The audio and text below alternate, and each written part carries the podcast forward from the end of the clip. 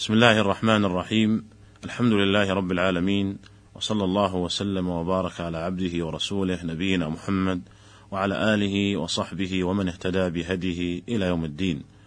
أيها الإخوة المستمعون السلام عليكم ورحمة الله وبركاته.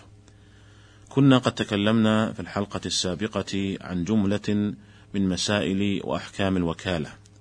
وكانت آخر مسألة تكلمنا عنها هي مسألة التوكيل في النكاح. وأشرنا في آخر الحلقة إلى التوكيل في الطلاق ووعدنا باستكمال الكلام عن هذه المسألة في هذه الحلقة. فنقول وبالله التوفيق كما أنه يصح التوكيل في النكاح فيصح التوكيل كذلك في الطلاق. فيجوز للزوج أن يوكل من يطلق عنه. ولكن ليس للوكيل أن يطلق أكثر من واحدة. لأن الأمر المطلق يتناول أقل ما يقع عليه الاسم وهو هنا طلقة واحدة. إلا أن يجعل الزوج للوكيل أن يطلق أكثر من واحدة فيصح حينئذ. قال الفقهاء ويجوز أن يكون الوكيل في الطلاق امرأة. فيجوز أن يوكل الزوج أمه أو أخته مثلا في تطليق زوجته. بل ذكر الفقهاء أنه يجوز للزوج أن يوكل الزوجة في تطليق نفسها واستدلوا لذلك بأن النبي صلى الله عليه وسلم خير نساءه بين أن يردن بين أن يردن الله ورسوله والدار الآخرة أو يردن الحياة الدنيا. وهذا مثل الطلاق. قال الموفق بن قدامة رحمه الله إن قال لامرأته طلقي نفسك فلها ذلك كالوكيل. فإن نوى عددا فهو على ما نوى وإن أطلق من غير نية لم تملك إلا واحدة. وكما أنه يجوز التوكيل في الطلاق فيجوز التوكيل كذلك في الرجعة كأن يطلق رجل زوجته وهو يريد أن يسافر مثلا ويخشى ألا يضبط العدة فيوكل من يراجعها عنه فلا بأس بذلك كما قرره أهل العلم. ويجوز التوكيل كذلك في الخلع لكن لا بد أن يذكر الموكل للوكيل يذكر له العوض الذي تقع عليه المخالعة. ومن أحكام الوكالة كذلك أنه يجوز التوكيل في المطالبة بالحقوق وإثباتها والمحاكمة فيها سواء كان الموكل حاضرا أو غائبا ولو بغير رضا خصمه لأنه حق تجوز النيابة فيه فكان لصاحبه الاستنابة بغير رضا خصمه، ولأن هذا هو المأثور عن الصحابة رضي الله عنهم، فقد روي أن علي بن أبي طالب رضي الله عنه وكل أخاه عقيلا عند أبي بكر رضي الله عنه، وقال ما قضي له فلي وما قضي عليه فعلي. وفي سنن البيهقي عن عبد الله بن جعفر قال: كان علي بن أبي طالب يكره الخصومة فكان إذا كانت له خصومة وكل فيها عقيل بن أبي طالب فلما كبر عقيل وكلني. وفي رواية أن عليا قال إن للخصومة قحما أي مهالك وإن الشيطان يحضرها وإني لأكره أن أحضرها.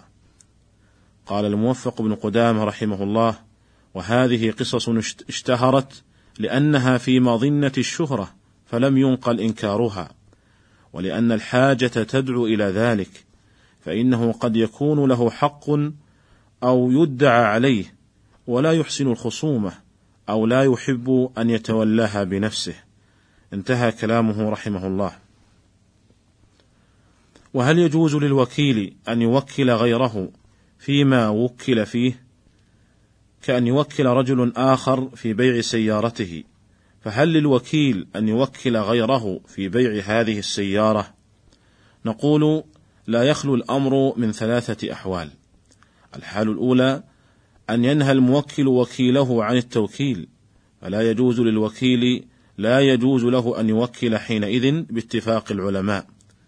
والحال الثانية أن يأذن الموكل للوكيل في التوكيل فيجوز له أن يوكل بالاتفاق كذلك.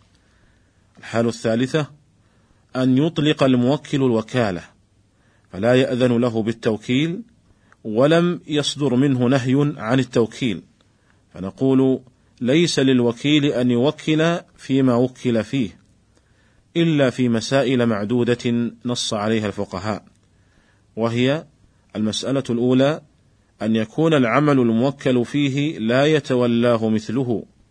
كالاعمال الدنيئة في حق أشراف الناس المرتفعين عن فعلها في العادة. المسألة الثانية أن يعجز عن العمل الذي وكل فيه. المسألة الثالثة إذا كان لا يحسن العمل الذي وكل فيه. ففي هذه الأحوال له أن يوكل ولكنه إذا وكل فلا يوكل إلا أمينا لأنه لم يؤذن له في توكيل من ليس بأمين.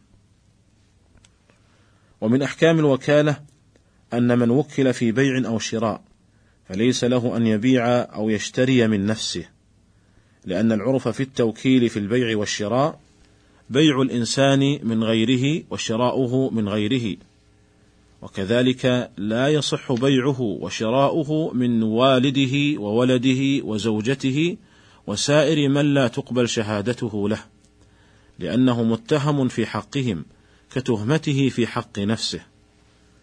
واستثنى بعض الفقهاء من هذا ما إذا كان البيع في المزايدة. قالوا فللوكيل أو لولده أو لسائر من لا تقبل شهادته له من لا تقبل شهادته له أي للوكيل لهم أن يزيدوا على مبلغ ثمنه فيما انتهى إليه السعر لأنه تنتفي التهمة حينئذ.